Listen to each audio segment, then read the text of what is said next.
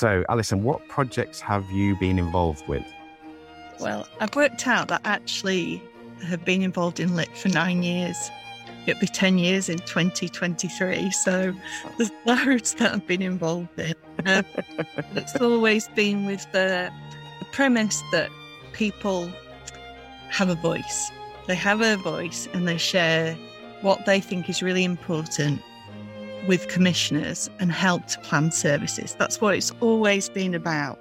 Mm. So I suppose it's that taking people's views and experiences about health, about transport, about well-being, about accessing services. So one of the things that I'm just working on at the moment is some training around adult social care. What the Better Lives Board is is a really large meeting that happens over Leeds and people representatives sit on that board and it's all about improving people's lives in Leeds. That's basically getting a better life.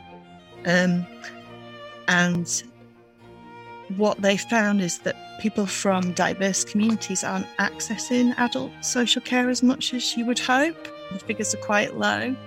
So, one of the things that I'm working on is working with diverse communities, doing some training around what is adult social care, how does it work, examples of when people have used it, how it's helped them in the past.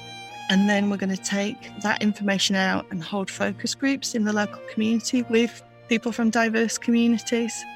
So it's always about just improving services and making sure they're accessible. I think the thing that's really interesting is that people are experts by experience. We've all sat somewhere and said, why haven't they done it this way? What? Yeah. You know, it's so obvious. Yeah. And a commissioner or the people who run it might not see it like that. Mm. So it's really important that we have people's voice within services. So, what are the highlights, or what are you most proud of or excited by?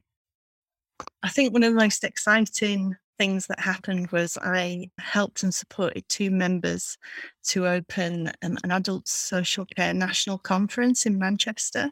We took their stories and um, so there was two women. One lady had unfortunately ended up in a wheelchair from a really horrific car accident and had lots of difficulties communicating with people and she was able to work with her personal assistant to share her story.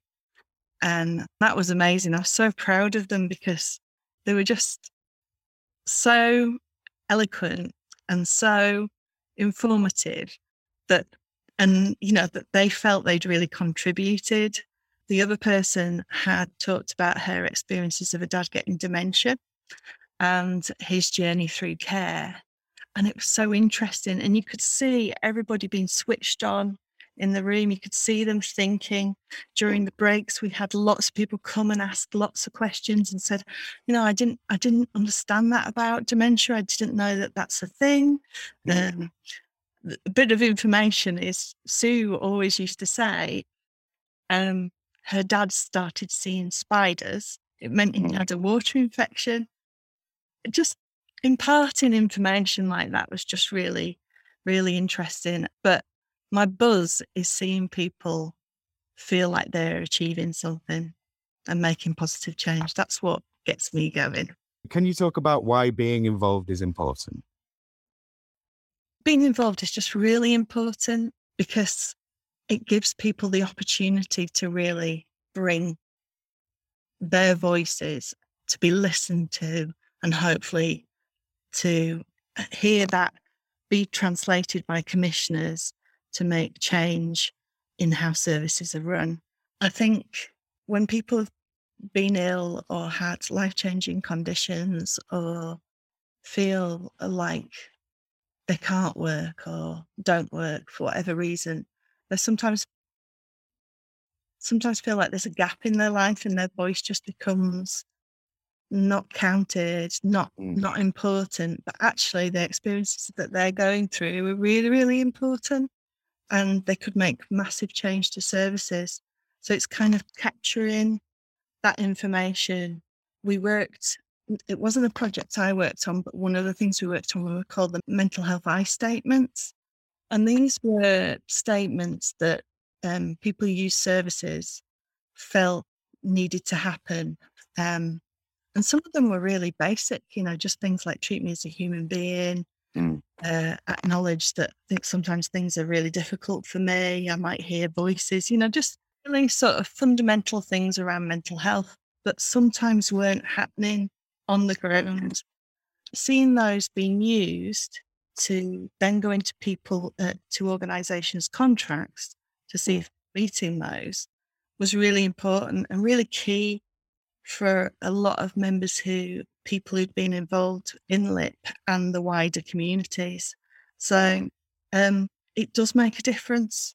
And that's why it's really important because I can sit there and think, oh, this doesn't work for something else. But but what do I know? I haven't used the service. So it it needs to be those people who use the service. Yeah. Or the ones that aren't using it so that you can find out why. Yes, absolutely. Yeah. How did you get involved? Oh, I was asked to come in and write some training for about three weeks. and I never left. um, yeah, it was a, it was a little bit like I think a lot of people's journeys into LIP. Um, you end up thinking you're just going to help somebody temporarily, and then I suppose they saw some of my skills. I thought this is really good what they're doing, so I just stayed. That's kind of how I got involved.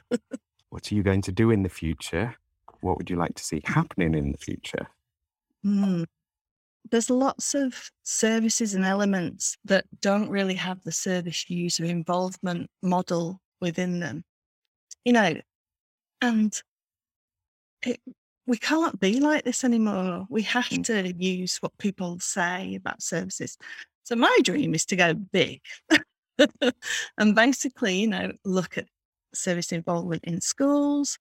Um, you you could argue that they probably do have something that's run, and pupils might sit on a forum, but are they trained? Are they supported? Are they helped to have that voice? And are they diverse in in who they are.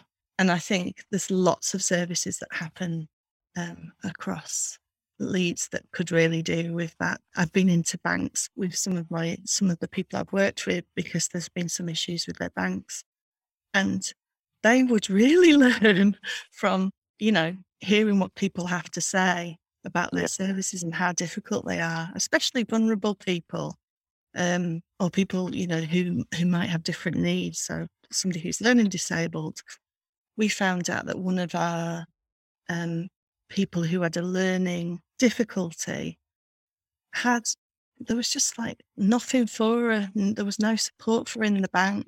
And once you ask i think they can start to do things but you have to ask. Yeah. You know there's there's just lots of services that could do with just having a user voice within them. Mm. Why do you come to work um, lots of reasons um, I like doing something different nearly every day, and my job is a little bit like that. yeah. Um, you don't know what's coming around the corner, so that's quite exciting. Um, I like being busy. Yep. Uh, I like being out and about, so it mm. suits me. The variety, I would say. So, as the longest serving member of the team. Yeah. Uh, why is involvement important to you? I mean, you've you've kind of said already, but um, yeah, like I suppose from a team specific angle. Mm. It's making sure that equality exists. Mm. That's what it is about fairness and equality and helping people to have a voice. I run a project called Visible. Um, it's made up of people who've experienced child sexual abuse. And one of the things that's been really interesting on that journey is that when people first came forward, there was a lot of we've got to be hidden, we, you know, stigma really. And now I've got the bullshiest activists ever Mm. who will fight for what they feel is right for their community. Mm. And um yeah, what more can I say? That's just Mm. brilliant seeing that.